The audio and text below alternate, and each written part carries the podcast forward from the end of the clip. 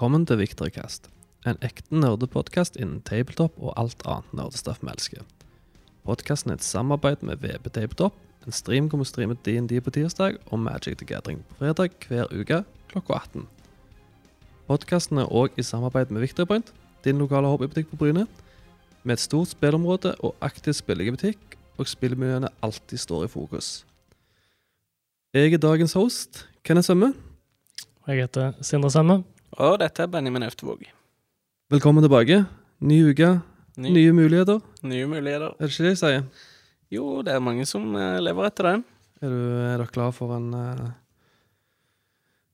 ny dag der jeg blir skuffa av uh, det dere mener og vil, og jeg må Ja, venter bare til rangeringa på neste spill, du, og så har vi det gående med en gang. Ja. Ja, vi får jo se. Nå har vi jo satt fram eh, spillet vi skal arrangere i dag på Front and Center på vodcasten. For de som ser det på YouTube, ja. Uh, for de som ikke ser det på YouTube, så er det jo uh, Ticket Ride. Uh, så det blir gøy å se. Ja, for vi skal jo gå gjennom litt i dag. Vi har jo uh, Ticket Ride som vi spilte i dag. Faktisk rett før podkasten som vi skal gå gjennom. Vi skal finne ut hva neste spill vi skal spille. Det er noen uh, DMD-bøker som kommer ut, som vi har lyst til å snakke litt om. Og så har vi jo streamene fra forrige uke, som alltid går gjennom. Og så er det litt eh, nye brettspill og litt Commander Magic-spilling og litt forskjellig vi har lyst til å gå gjennom. Ja, alltid mye kjekt som skjer.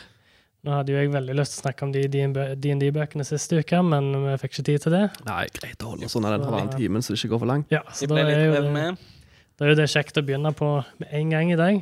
Ja, ja, men altså, jeg tenkte for Vi kan begynne med de med en gang. Det, det er et gøy tema. Men eh, grunnen til vi liker å ta det på slutten, det sa vi DND-bøker og nyttige de, og grunnen til vi òg satt litt på slutten forrige uke, er av hvis dere først starter med noe DND-relatert, så kan dere sitte lenge og snakke. Sikkert lenger enn podkast. Så når vi da hadde holdt på en halvannen time sist uke, så var det ikke mulig å få det inn.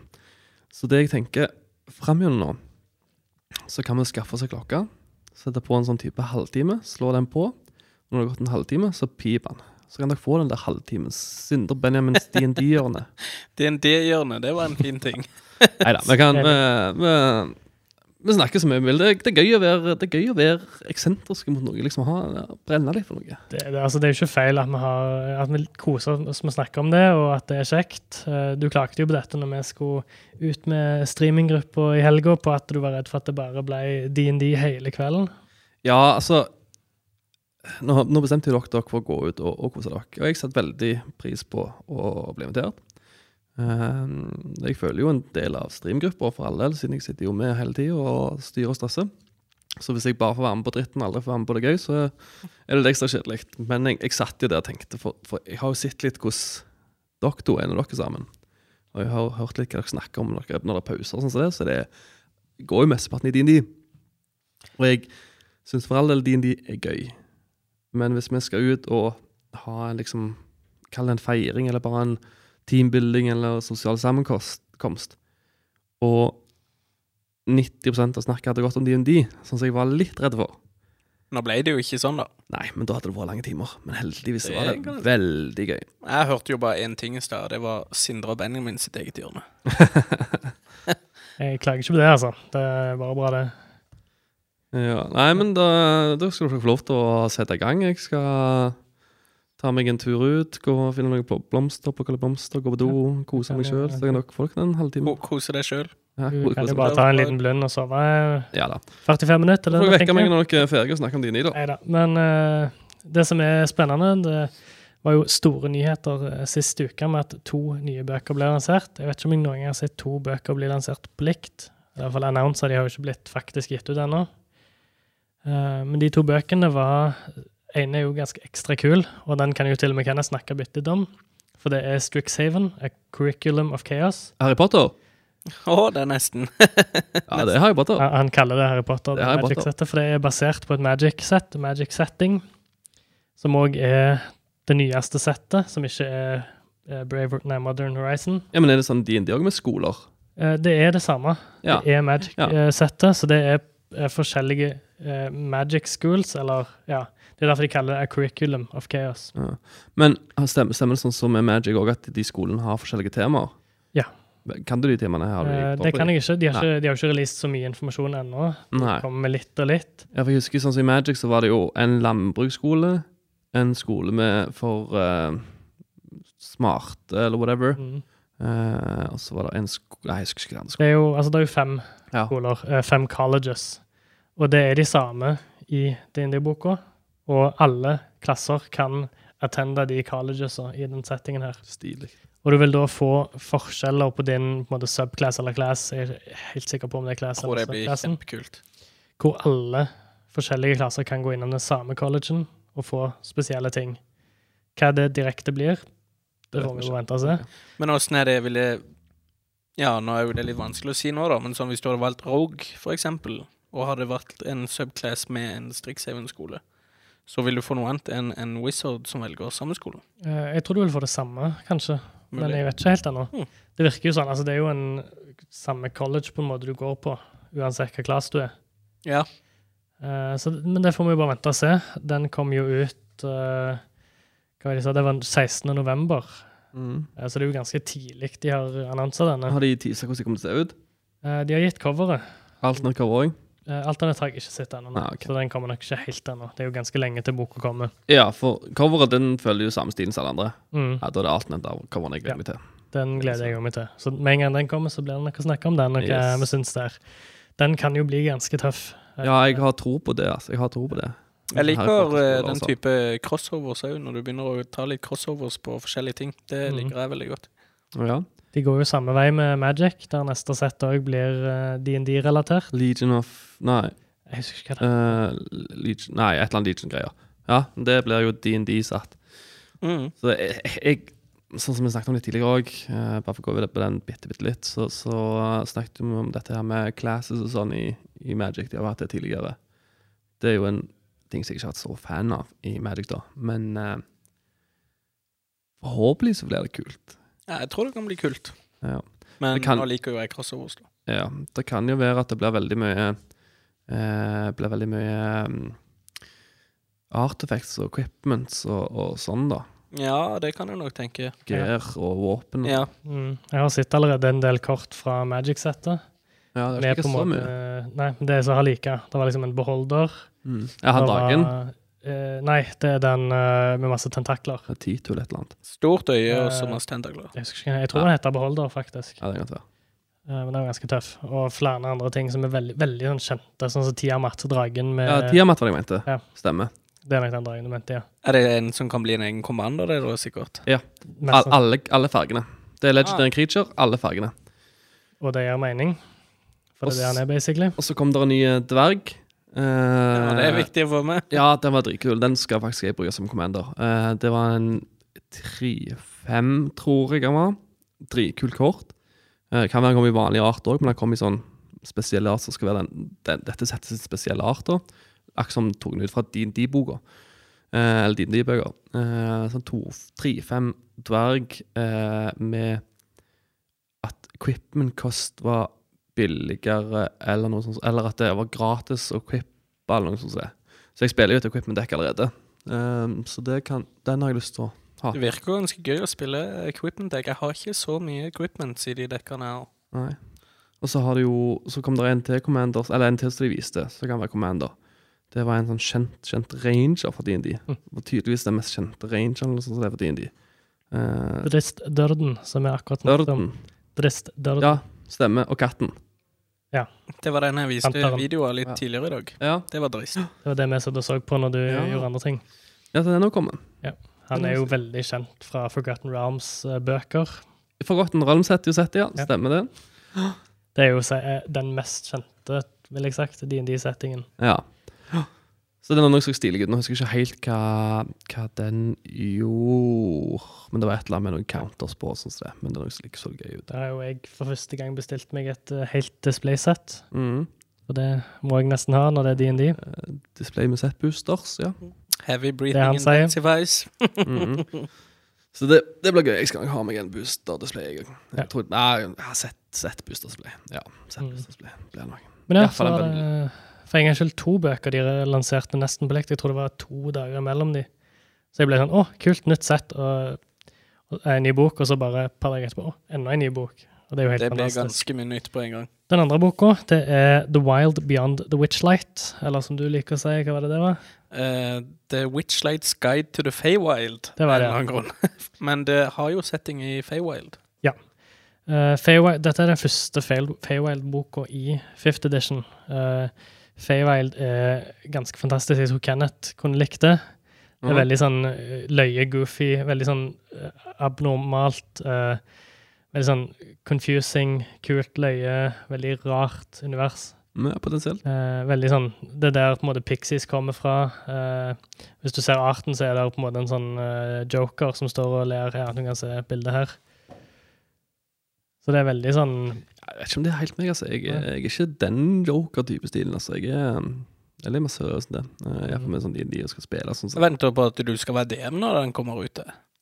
Jeg kan alltid være DM når den kommer ut, men du kommer ikke til å leve lenger enn du, Benjamin. Nei, men det vet jeg jo. Det er turn one day dead, og så kan resten spille ha det gøy. Jeg skal lage seks karakterer klar, så jeg bare kan rulle de inn hele veien. Så. Ja, stemmer. Men ja, Feywild er på en måte en, et plane som er parallelt med vårt, eller med det standardplanet da i de fleste uh, DND-universene. Uh, så du kan på en måte gå mellom de. Uh, men når du går til den andre, så er det på en måte Alt er annerledes. En stor sivilisasjon kan bare være en tom skog i Feywild, eh, mens en tom skog i vanlig verden kan være en stor by i Feywild. Og det kan være gedigne byer, mye større enn det du ser i normal verden. For alt der er magi. Det oser liksom av magi i verden. Alt er farlig, alt er skummelt. Samtidig som alt er komisk og fantastisk. Det minner meg bare om uh, den der uh, Once Upon a Time-serien. Ja. Ja, Once Upon a Time. Det er, det er veldig Feywild. Ja, okay. Eller Magicians. Ja, men Den den, dropp, den droppa jeg av. Jeg syns ikke den var så god. Jeg, ble lei. Første, første, episode, første sesong var gøy, og så kom andre sesong, og så var det eh, Jeg så de fleste sesonger der. Jeg datt av til slutt, da. Eh, men du kan tenke på alle sånne historier som blir fortalt rundt campfiren i DND-universet. Stammer nok mye ofte fra Feywild. Ja, Kult. Eh, jeg har allerede introdusert litt Feywild i vår kampanje, og det er mange DM-er som har gjort rundt omkring, for at Feywild er et gammelt, en gammel setting og gammel uh, supplement. Det var de pixiene vi fant ut forbi byen. Ja, for eksempel. Jeg lukta Eh, det allerede der, faktisk. Uh, I tillegg så møtte de en uh, sist kampanje, som òg var veldig Feywild-inspirert. Mm. Var det den jeg var med på? Ja. Å ja. Orakelet dere snakket med. Ehm, ja, han som ga oss den der eh, boksen. Han som spurte dere uh, Ja, ja, ja, på siste om, episode. eh, ja, ja, om ja, ja. sannheten deres, om hva dere frykta. Han var annoying as beep. ja der, den, den sleit alle med. Den sleit alle med. Dere likte ikke den så godt, Benjamin? Nei, for det ble, du må liksom revile litt i forhold til backstoryen, ikke sant? Og på en måte vil du ta det i en annen setting, men du ble liksom tvunget litt fram. Så det var sånn ah, Skal, skal ikke. Hva var det han helt spurte om? Eh, ja. eh, What is your Show me your show me your truth. Eh, Sh- Show me your desire. ja. Og show me your fear. Nei, det var ikke show på alt, var det? Det var tell, tell, show? Ja, tell me, jo, tell me your desire, tror jeg. Show me your truth, tell me your greatest fear, and tell me your desire. Ja, liksom. ja det var stilig. Det var det, det, spillerne ble satt i prøve som jeg som satt på baksida. Jeg bare hørte de spørsmålene kom, og alle, jeg så bare alle spillerne bare eh, mm, Ja, hva, hva Ja. Jo, kanskje. Ja, Det skjer så mye oppi hodet på en spiller der, for det er sånn OK, er dette en, en type spellbinding av et eller annet slag som kommer til å gå dårlig ut i combat, som kommer til å skje nå? Eller er det rett og slett at det bare er som det blir sagt? Hva var det Kalen sa? Det var show, Tell me your desire. My desire is for you to leave. Sånt. Ja, men han snek seg jo allerede opp bak han for å ta livet av han. Stemmer det? Det han sa var Show me your truth, tell me your desire, tell me your fear. Punishment could be served, reward could be given. Ja, bra, den. Og så pekte han på en etter en av spillerne og venta på at de skulle svare. Mm. Noen ganger spurte han flere ganger, og det virka som han ble litt surere. Ja. Og da var det alle svarte til slutt. Uh, Religalin og Kalen svarte nok feil, Pride will be a downfall. og de fikk en uh, cursed item Mm. som plutselig bare materialiserte seg rundt halsen deres. ja, stemmer det. Og ja, de uh, minus én til alle ability scores. Mens resten av partiet fikk uh, kversen Ayunstone, som gir de to pluss til valgfri stat, Ja. som er helt sykt. Ja, men det er jo bra. Det er ganske sykt, faktisk. Det er en ganske bra Hel- Heldig du svarte rett der, da, Benjamin. Ja, Hva, du svarte rett der, og så gikk du rett etterpå og brente ned noe? Var det sånn? ja, jo eh, The ny Pyromaniac. Lærte jeg å bruke flammer? Ja. Altså, ja, det hadde jeg jo faktisk lært meg for lenge siden, faktisk. Jeg hadde den spillen. Okay. Det er sånn multipurpose-spill, men egentlig mer for show. Men nå vil du bare brenne ned hele skogen og hele landsbyen? Ja, altså vi Det var en ork som klarte å slippe av fra en orkelandsby, eller ikke det engang, camp. Og så tenkte de ja, men han kan jo bare gå og hente forsterkninger, og så kommer han tilbake igjen. Og jeg bare nei, han gjør ikke det nå. I Egon. I han. Men de eh, Bare sånn for å spørre om de Men de bøkene, vet du eh, Jeg har alt sånn Jeg er ikke så inne i DND-universet. Men sånn som jeg forstår det, så er alle bøkene kan være forskjellige ting. Altså, Ei bok som kommer ut, trenger ikke være en adventure. Det kan være bare informasjon om en setting. Er det Du sånn jeg har, forstår? du har jo sånne guides, for eksempel. Det kan være hvordan du lager en type karakter. Eh, sikkert mye lår, vil jeg tenke. Sånn Guide Ravenloft og Guide to Everything. Ja, Det husker jeg. Og da har du liksom introduserer litt for nye ting spilleren kan bruke, eller kan møte, eller som DM-en kan bruke. Ja. Mm. Og så kan det være nye adventures. Um, men det kan være også bare Ja, sånn som du sier, med nye classes. Uh, det kan være litt bare alt forskjellig. Det Egentlig, hva det- egentlig alltid hva de har lyst til å gi ut. Det er hovedsakelig to forskjellige typer bøker som kommer ut. Den ene er sourcebooks, Mm. og der er Strixhaven ei sourcebook. Så der er det på en måte alt kildematerialet for å kunne spille i Strixhaven er i den boka. Ja, for det er egentlig det jeg vil spørre om, hva de Ja. to forskjellige bøkene der var. Ja. Eh, Den andre er Adventure Books, og der er The Wild Beyond the Witchlight en adventure-bok. For der er det på en måte eventyr som du kan spille gjennom, som er satt i Feywild. da. Hva, hva er mest interessant for spillere som Altså erfarne DND-folk? Er det nye adventures? For jeg, for jeg føler Når en gruppe starter på adventure, så sitter de kanskje i to år. Det er ikke vits å kjøpe disse adventurene, og, og så lager de jo story sjøl. Ja, altså Det kommer jo an på uh, hvor ofte du spiller, hvor lang uh, campaign eller adventure du har begynt på, om du spiller custom adventure, og hva du på en måte liker sjøl. Sånn som for min del, jeg spiller jo aldri pre-made adventures. Så jeg er veldig glad når det kommer en ny sourcebook. Ja, for det er alltid De interessant. ja. For der kan de bruke alt. Der er alt på en måte gjeldende Eller, eller det meste. Det er jo forskjellige settings og sånn. Uh, så jeg spiller jo i min egen setting, så jeg kan plukke og ta det jeg vil fra de bøkene. Ja. Det samme er egentlig med en adventure book, men der er det mye mer spesifikt til et eventyr, så det er mye mindre på en måte nye ting i det for meg å bruke. Det er mye, å, sjeldnere nye races, nye classes, nye items, nye monster i en adventure book i forhold til en setting book. Altså ta for eksempel i en custom som Sindre driver, så har vi for eksempel muligheten til å stikke av hvis det skulle være. Ikke sant? Altså du, du går liksom ikke vekk fra adventure, men du får en konsekvens hvis du stikker av. Mens i en adventure så avslutter du mer på en måte hele greia, ja okay. vil jeg vel si. En god DM vil jo klare å få dere tilbake igjen Ja, der, på en måte. Ja, Jeg, jeg, jeg har jo blitt litt gira på bøkene sjøl, jeg òg. Mest bare pga. Det er jo en megakul fantasiverden. Jeg leser ikke bøker, jeg bryr meg ikke sånn sett, men når bøkene ser så kule ut som de gjør, Mm. og det er kule fantasiverden, så er det jo litt interessant sånn sett. enda gøyere er at du kan spille dem. Og kan det òg er det spill? Ja, Det er jo ja. eh, mange forskjellige verdener. Sånn som Ebron, som vi spilte i på Adventures League her Ja. før, det var jo på en måte nærmere steampunk-verden, der det faktisk var mekaniske ting, men de var styrt av magi. da. Ja. Mens det vi spiller i nå, på privaten, det er mer en eh, standardsetting, sånn som eh, den som eh, kom ut i Magic nå. Stand, ja. eh, hvor på en måte det er mye mer sånn standard fantasy-verden med magi og sverd og sånn. Ja. Ja, stemmer. Uh, men for jeg skal mm, bare si det siden du sier på den, så begynte jeg å tenke litt, for jeg syns bare så løgner jeg Det er jo Jeg har jo prøvd D&D, jeg, Benjamin. Oi! Jeg har jo spilt en, eh, en fire timers lang kveld i Eberron-universet. For jeg var jo med uh, første Adventure League som var her. Uh, da, I Eberron så er det sånn at det, søren meg nesten alt er mechanical.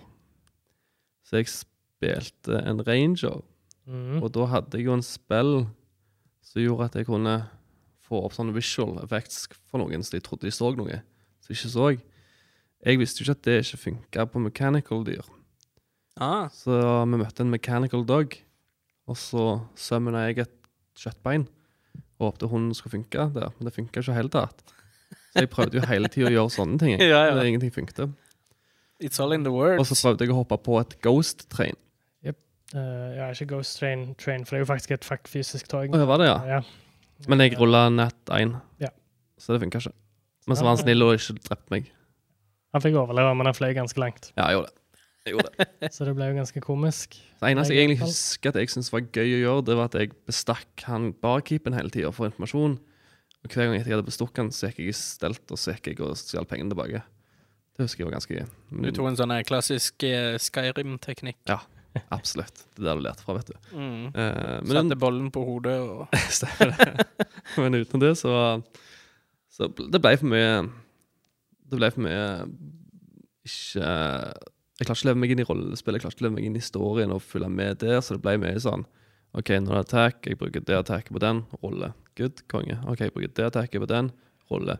OK, og så går det videre, så er det seks ganger til min tur igjen, så da får jeg bare sitte og gjøre noe annet, se på mobilen og lese sånn. Det Det ble litt den meg nå, derfor. Men det er jo Mm. fort med hva gruppe du er med, at du har det kjekt med de du er med. Og så det er en DM som er flink å hiver hive folk inn og uh, passe på at du henger på og sånn som det. Men det går veldig mye på Faktisk veldig mye på spillerne òg. Det at du, du involverer alle. Hvis du merker noen ikke er helt med, liksom at du engasjerer dem med å i rollen spiller med dem, på en Ja. måte. Ja, engasjerer dem med. ja. Mm. For oss var det jo en helt ny gruppe som basically aldri har truffet hverandre før. Noen som helst, og da er det litt vanskelig å få Det er det. og Det er- kjemien til å sitte. Som regel når du blir litt bedre kjent, så Så det kunne absolutt vært gøy å være med. Ja, du får gjeste streamen en gang. Ja, nei, men jeg sitter bak streamen, jeg. Eh, så derfor holder jeg meg akkurat på DND-streamen. Fyr griser kan sitte bak der, vet du. Ja, det tror Tør du det? Jeg tror ikke det hadde blitt så Nei, Jeg tror heller ikke det hadde så bra. Du hadde satt fyr på streamen. Ja, du hadde satt fyr på hele streamen. Ja, med tanke på streamen så skjedde det jo litt andre ting òg der. Eh, vi hadde et kjekt encounter med noen orker, eh, som ikke var så kjekt som vi hadde planlagt, siden dere eh, klarte å trappe de ut i en uh, spike growth. Ja, Rett utfor døra, Sindre hater offisielt den spillet nå. Ja, den er banna fra nå av, så Berit, hvis du hører på, aldri mer. Nei da, det går fint, det. Det er, så, det er sånn det er. Av og til så går ikke alltid min plan, av og til så gjør dere Tactics, man. fantastiske ting og slår ut ei gruppe monstre som egentlig er ganske bra for deres level. Men du må jo bare finne en måte hvor det ikke går an. Det er ikke sånn det fungerer. Nei, eh, altså, det går an, men eh, det er alltid måter rundt det. Det er det. Mm. Og vi får jo se hva monster i framtida finner på med å fly og sånn. Ja, det kan jo bli spennende hvis de plutselig Ja. Fra nå av så springer alle bad guys rundt med en flight potion. Det Altså, det er eh, Hva, hva, hva er en flight potion? Flight potion. Flight- Potion flight potion, ja, ja. Ja, men det er godt du sa det, da. Så første gruppe smenevis vi tar livet av nå, så har vi bare en haug med flight potions til alle sammen. Stemmer det. Good. Ja, Ja, da kan jeg fly hele tiden. Det, det er smart, for dere, dere bruker så jævlig lang tid på å komme tilbake til den byen hele tida. Så da kan dere fly tilbake. Ja, slipper dere sant. Du å gå gjennom skogen. og- For, for, jeg husker ikke om det var forrige gang eller gangen før, da dere sto i 25 halvtimer for å diskutere hvilken transportmiddel dere skulle bruke for å komme dere videre. Ja, om vi skulle ta båt Eller eh, hestekjerre. Ja. mm. Så var det ene gangen jeg snakket om vi skulle gå via skogen eller via veien, og brukte ganske lang Ja. tid på det. Nå kan dere bare fly. Men Det eh, senker seg. jeg var ganske imponert forrige episode over Kalen og Naruk. De hadde en ganske bra PR-moment. RP-moment. Ja. PR er noe helt annet, det. Du, du, du, du er en DM. Du driver med rollespill dagen lang, og så kaller du det PR. Han kunne sagt 'playing role'. Jeg har jobbet mange år i mediebyrå Playrolling. og brukt PR hver dag, og jeg gjør ikke den feilen den gang. Nei, skjerp deg. Helt greit. Helt greit. Skjerp deg. Skal gjøre bedre i fremtiden. Nei, men det, det var faktisk ganske fantastisk moment. Men Mhm. Så har du jo sånn som meg, da. Ikke sant? Når jeg ser liksom noen bli litt sånn øh, Hva skal jeg si nå? Blir litt ukomfortabel. Så stakkars, stakkars Kalen når han sitter og liksom prøver å tenke ut hva han skal si for å gjøre dette bra. Så får jeg latterkrampe. Ja. Nei, men, Men- for min- litt alle av litt forskjellige småting der. ja. Men for min del, altså, sett bak, så var det kjekkest å se på hele streamen. Det var Ja. underholdende. Det var genius. Og det var liksom litt, litt å se på Altså Naruk var jo når, Eller Berit eller Naruk var jo Naruk liksom bare snakket jo gjorde som ei dame egentlig holdt jeg på å si. Jeg skal ikke si det. Men, eh, men eh, det var- litt løye å se på. Unnskyld til alle der ute så ikke likte den. Men, men, eh, men eh, det var så løye å sitte og se på, eh, på på Kalen, da, hvor jeg bare så at egentlig hele han forsvant litt, og bare Hva gjør jeg nå? Hva gjør jeg nå? Hjelp, hjelp, hjelp. Ja, hjelp, det hjelp, den, men det er det som er litt gøy her nå, for at det er jo litt den rollen han har som Kale når det kommer til sånne sentimentale moments. Mm. Og det er da du ser litt at de rollene du lager, er ofte litt en del av deg sjøl. Helt sant. helt sant. Det var jo ingen tvil om at han fortjente en liten talking to. Da. Ja da. Han var jo skikkelig uh, douchebag mot uh, Relgalin. Ja. Og jeg likte bare den beste med hele det, var at helt nå var ferdig med uh, Kalen, så um, så gitt hun en klem, og så gikk hun til Relgalin, snakket med hun, og så i slutten av Relgalin, når, når Naruk snakket med Relgalin, så spurte hun går det greit om jeg gir deg en klem. Og så kommenterte jo uh, Kalen da på at Eller det var jo mer uh, Philip. mer Philip som kommenterte på det. At ja, han fikk jo ikke valget. Og bare med en gang der så poppet det opp i hodet mitt bilde av karakteren til Naruk som springer, hopper rundt med den ene foten hengende opp, og så bare springer hun av gårde. Ja, nei, det var dritkult. Det, det likte jeg. Ja, men det er litt det moments med roleplaying. For det er jo det som er meninga med det, er jo å skape den, den cinematiske delen du tenker til deg sjøl, og som du føler det ser ut. Mm. Det vil jeg jo si at de gjør en ganske god jobb med å spille karakterene sine når de som ser på, begynner på en måte å se for seg actions og hvordan den karakteren oppfører seg når de ikke engang blir fortalt hva de gjør. Ikke sant? Og det blir jo bare bedre og bedre sånn. Eh, bare ta dere, liksom. Det var jo helt ny gruppe, så første gang vi spilte sammen, var egentlig på stream.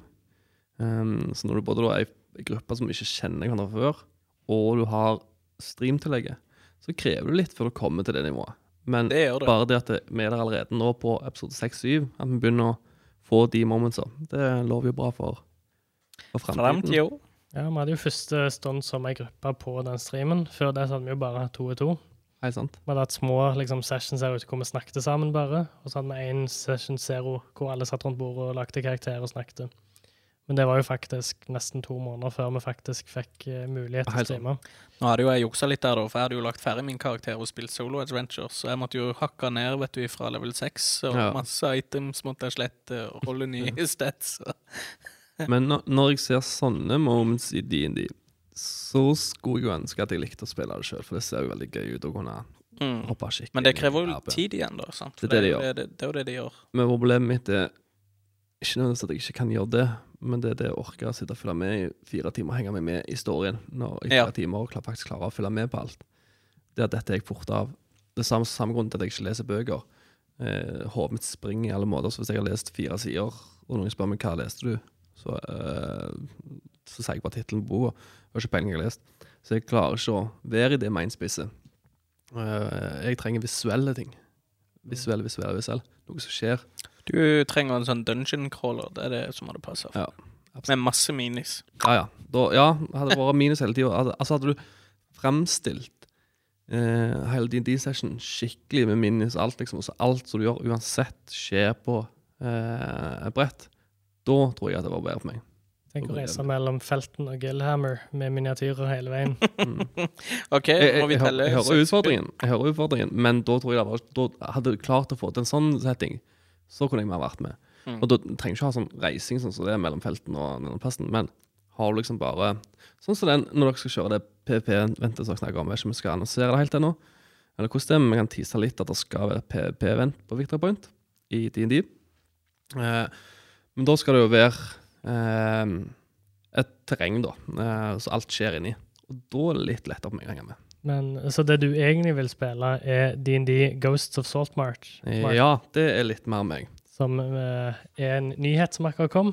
det er det, bare for å si litt om det før vi sier hva det er, så det er litt mer sånn som jeg har tenkt. Alle sier at de, de brettspillene, det er noe jeg har hatt lyst å ta meg ut på. For jeg liker jo, sånn som jeg har sagt, sagt, sagt eh, at dere liker tidligere, sånn brettspill hvor du har en rolle, og, og spillet går gjennom, og, og har en dungeon, så det, det liker jeg jo. Så de, de brettspillene tror jeg absolutt kunne vært noe så det var gøy for meg. Mm. Mm.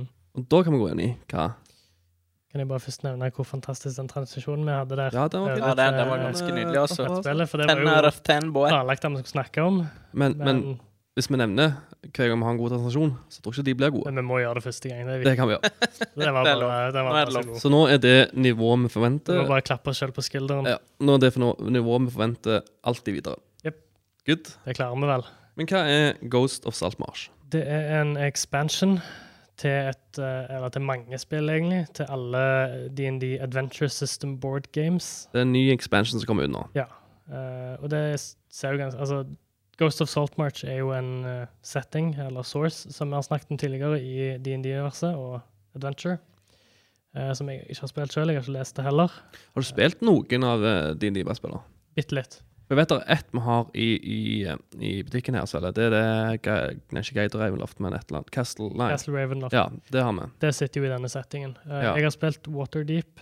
Ja, Lords of Waterdeep. Waterdeep. Lords of Waterdeep, men, Men det, er ikke, det er ikke relatert Nei. til dette. Det er et helt eget standalone-spill. Eh, men her har du altså dette er jo en expansion, så da må du ha en av de her andre spillene.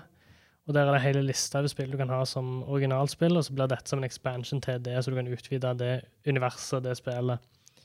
Uh, og de er Castle Ravenloft, som vi har her i butikken, og så er det Legend of Drist. Der kommer jo Drist tilbake igjen, som vi har snakket om et par ganger nå. Uh, og så har du Wrath of Ashardalon. Og så har du Temple of Elemental Evil. Den har jeg hørt bok på. Og så har du Water, Dun Waterdeep, Dungeon of the Mad Mage. Og så har du Tomb of Annihilation. Alle disse er på en måte grunnspillet til denne expansionen her. Eh, Ja. Selve spillet kan jeg ikke så mye om. Der har vel du litt mer? Nei, jeg har ikke vært så mye borti DD-spill. Eh, Alle DD-spill må jo rett og slett bare være en dungeon crawler. Basically sånn som alle andre dungeon crawlers. Eh, men men de fleste DD-spill som jeg har hørt noe om eller sett noe på, har rata bra og vært sitter så bra spill, altså. Det kan jo hende det minner litt om det Betrail at baller og skate Kanskje. Har du prøvd noen DD-spill? Aldri. Ikke noe annet enn eh, Betrail. For på den lista, eh, som alle spill som vi har, så har vi Lords of Waterdeep. Det er et DD-spill, så det kan vi prøve. Et spill som ikke har på lista, derimot, det er Exploding Minions. Ja. Var det òg en bra du. Var det det jo? Ja. Den var helt OK. Min, min var bedre, men den var bra. Ja.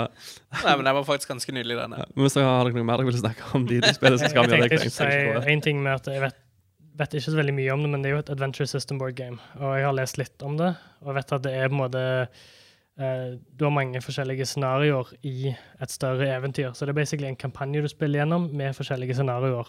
Så det er jo, min, kan jo minne litt om Betrayal at House on the Hill. Mm. eh, det er bare Ballerskate-utgaven, som vi liker veldig godt. Eh, der du har på en måte masse forskjellige scenarioer og masse forskjellige som endrer seg, og banen er liksom generert av tiles du legger ut, og spillet kommer med skikkelig DND-miniatyrer. Og da vil jeg jo tro du kan bygge de òg i Ja DND. absolutt. Det vil jeg tro. Eh, Men så, så der er det malekrav. Hvis du skal bruke de miniatyrene, må male dem. Ja, du må. male Alt blir bedre. Det er ikke noe tvil om det. Eh, Eller få en venn til å male de. nei, altså, jeg har hatt veldig lyst for en venn. Jeg har hatt veldig lyst til å Ja, ikke spør meg i hvert fall. ikke ja, jo, vil du ha gull, vil du ha det gull, så skal du spørre meg. akkurat det. Du, du tok meg to millisekunder for Ja. kjøpet der. Men eh, nei, men din spill det er noe jeg har alltid hatt lyst til å prøve. Uh, vi spilte jo det. Vi kan jo bare ta en liten på den òg. Vi spilte det, eller du har iallfall vært med og prøvd det. Uh, Widows Wood. Uh, og jeg vil tro at Widows Wood er relativt likt som noen av D&D-spillene. Samme sjangeren. Det er jo eh, monster popper opp, du beveger deg inn i et grid-system. Eh, du møter monster, du må slåss med monster, alt etter hvilken rolle du er. Du har forskjellige roller. Noen får positiv effekt hvis de står lenger ifra. Noen eh, må få positive Typisk Rogue får positive effekter hvis de står bak den, osv. Og vil jeg tro de fleste D&D-spill òg er alle det, da. Mm. Disse tror jeg faktisk er mer sånn at du eksplorer et kart, og så plukker du storykort og sånn, og treasures fra kartet. Jo da, det det er jo Det, en det count. minner litt om samme stil, på en måte. Ja, men du har jo en counters og classes Mm. og sånn som det òg, da. Eh, Så litt mer den jeg mente, encounters og classes. Og uh, beveger deg på map. Men ja, siden vi snakket om miniatyrene her, Mm. vil jo du snakke om noen som eksploderte? Eh, Yes. Um, Eksploderende miniatyrer. grunnen til at jeg sa et spill som ikke er på lista, som heter Exploding Minions, det er på det er et nytt spill som kom ut. Eh, jeg regner med at Sindre har hørt om dette spillet, men jeg regner ikke med Benjamin har spilt rødt på spillet. Nei, det har jeg ikke. Inne. Nei, ikke, ikke Exploding Minions, men Exploding Kittens. Det, si, Exploding det eneste jeg kan tenke på, er Kittens. Yes, Men er dette da Minions? Yes. Dima. Det er samme prosent. Det er basically samme spill, men med minions. Det er basically, hvis jeg skal snakke til din verden, Benjamin eh, Det er basically svarteper. Kjenner du til det spillet? Nei. Kortspill der du ikke skal sitte med svartbær på én hånd. Jo, faktisk, men det er Tror ikke jeg har spilt det på Å, lenge. Ja, ja, ja. Det er sånn typisk hyttespill der du spiller når du er liten. Uh, Exploding Kittens er basically uh, at du ikke skal sitte med den eksploderende katten. Uh, og så er det forskjellige kort som gjør forskjellige ting, sånn at det hjelper deg til å ikke sitte med den, eller hjelper deg å skade de andre, eller passe på de andre for å sitte med den.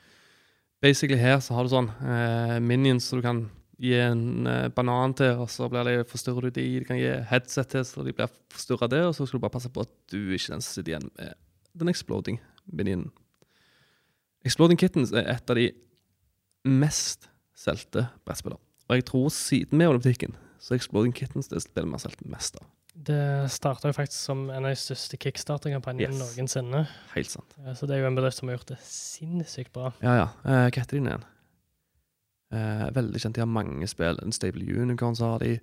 De har um, Ja, de har ganske mange spill. Eh, husker ikke etter, men de har fått så mye suksess med sånn type små, lette, kjappe humorspill. Jeg ser for meg at dette kan være et spill som er veldig gøy i en sosial setting, Ja. når du sitter og slapper av, spiller litt, har det gøy sammen. Absolutt. Og litt den der eh, latteren med nei, nei, nei, nei, nå.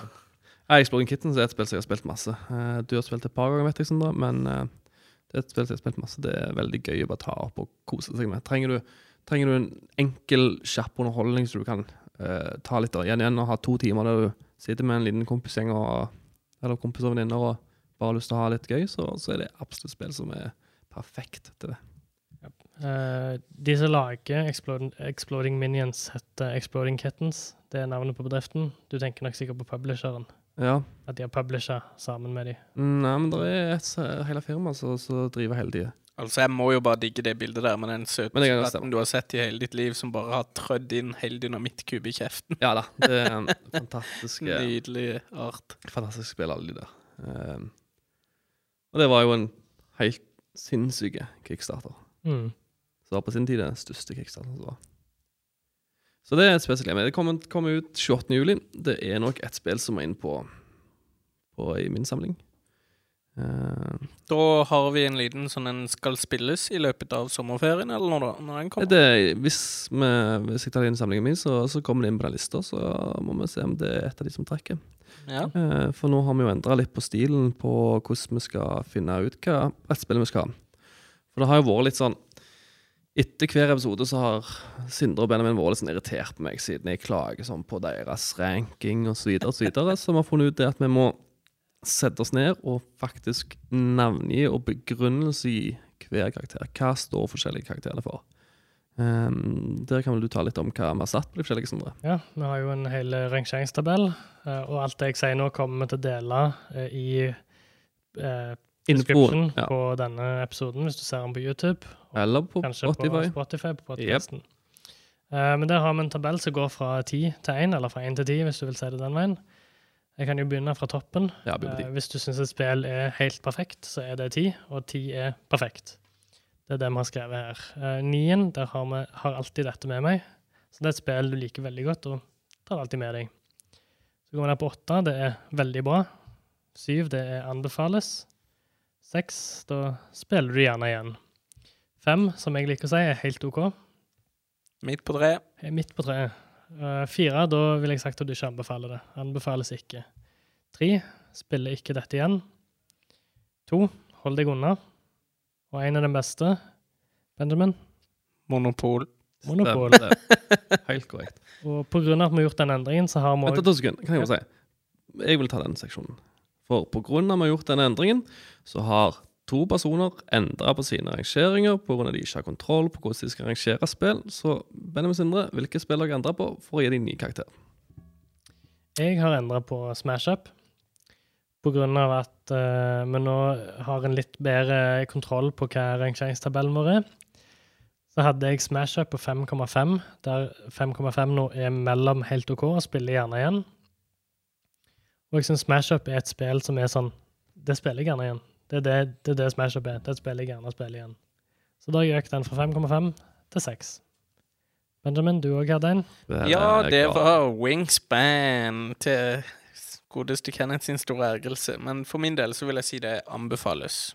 Det Men det holder seg litt vekke fra veldig bra. Ja. Det Ja, For du tar den ned fra 7,5 til 7. Ja. Og hva syns Kenneth om det? Nei da, vet du hva, jeg skal snu det om litt. Jeg skal respektere alt det dere mener. Dere får lov til å få deres meninger. Det varmer hjertet. Eh, Takk. dere har jo absolutt feil, eh, det er det ingen tvil på. Men dere skal få lov til å mene og synes det dere syns. Jeg fikk jo nesten bank her sist uke når jeg satt wingspan på 6,5. Ja, det er kris. Det var rett før mikrofonen fløy. Yes. Nei da, men eh, jeg skal få lov til å gjøre eh, hvordan dere vil. Det, det er deres rangering. Eh, så lenge dere tør å stå inne for det. Jeg, altså, jeg hadde ikke turt å stå inne for å sette Vikingsband på 6,5, men hvis dere tør det, så skal dere få lov til det. Apropos det, så har jeg lyst til å endre Munchkin til 10. Ja, hvis du vil det, så skal du få lov, men du må stå inne for det. Jeg tror faktisk jeg òg vil ta Munchkin til 10, altså. Altså, hele poenget her er bare at det er veldig gøy når Kenneth blir litt overgitt. Ja, Det ja, ja. Men jeg fant ut etter den diskusjonen vi hadde, at vi er litt uenige om hvordan vi rangerer ja, det var det vi var mest. Eh, Ja. Og da er det veldig bra å ha vår eget system, og ikke basere det på BGG eller på ja. andre eh, systemer som finnes der ute, men heller lage vårt eget. Og da har vi liksom alltid justified hvor karakteren vår står med den lista vi har her. Dere har jo veldig rett i det dere sier med at det er alltid hvor gøy og bra vi syns det sjøl. Det er ikke en fasit på det. Um, nå syns jeg fortsatt at jeg er helt syke i begrunnelsen deres, men det er ikke en fasit. Så dere skal få synes det dere vil, og det er helt greit. Ehm, så får jo de som hører på, se at det er ok, de går kun og kjøper spill basert på mine anbefalinger, og egentlig lukker ørene nok anbefaler, men sånn får det bare være. Og da kan de òg se alle disse anbefalingene våre Ja. på uh, det dokumentet vi deler, og der ligger òg en eh, kalkulert gjennomsnitt av våre meninger, da. Så det kan være litt spennende å se på. Og det, Så- der òg er det jo eh, Har de noen meninger eller har noen spill som de syns vi bør eh, teste og rangere, eller de vil ha en kommentar til hvor dum Benjamin setter menneskene så høyt, så er det bare å sende inn på media at victorypoint.no, så er det bare å komme med tilbakemeldinger. Vi elsker å få tilbakemeldinger. Eller kommentarfeltet på YouTube, hvis du er Ja, uansett hvor. Så det er bare å si til Kenneth at han tar helt feil. Wingspan er ikke så bra. det er det jeg skal si. Men det er greit. Jeg må bare kaste inn det at det spillet jeg faktisk gleder meg aller mest til, som har nerder det så sinnssykt på både PC og PlayStation, det er Dark Souls. Det kan bli spennende om vi får teste det. Om det er like vanskelig og like frustrerende så gøy, Ja, så Man kan jo si det nå at i begynnelsen så har vi valgt, valgt først Wingspan og Ticket Ride. Og grunnen til det var jo for at Benjamin var helt ny til brettspill. Nå har han jo plutselig forelsket seg i brettspill og spiller fem i uka, men, men eh, han var helt ny. Og da ville vi liksom, siden episoden med at før så hadde jeg snakket så mye om Ticket Ride og Wingspan, som er mine go to brettspill å anbefale for noen som har lyst til å komme seg inn i brettspillverden. Eh, ikke nødvendigvis for at det er de som er mest kjekke for de nye, men det er Ticket Ride og Wingspan er så enkle. Eh, det er så lett å komme seg inn i, det er så lett å forstå, og så er det dybde i begge to. Eh, og Ticket Ride har alltid vært den som alle går til, men den nye min har blitt Wingspan. Så derfor vil vi få testa de opp. nå må vi ikke glemme å faktisk rangere. Det skal, vi, det skal vi gjøre etterpå. Men først så kan du fortelle om hvordan skal vi velge spill nå, Benjamin? Nå skal vi jo rett og slett eh, randomisere litt. Grann. Så det vi har gjort, er at vi har tatt hele lista, og så har vi funnet en generator som vi har putta alt inn i. Og så trykker vi 'give us random name'. Ja, Hvor mange har vi på lista? Det var da altså 107, var det ikke det vi ble enige Nei. Uh, det er 107 spill, men vi har vi har, eh, vi har eh, 65 spill Ja. som eh, er på en måte passende for oss til å spille, som er kort nok varighet. Vi får nok spillere, for vi kan ikke spille spill som krever fire eller mer spillere. Nei.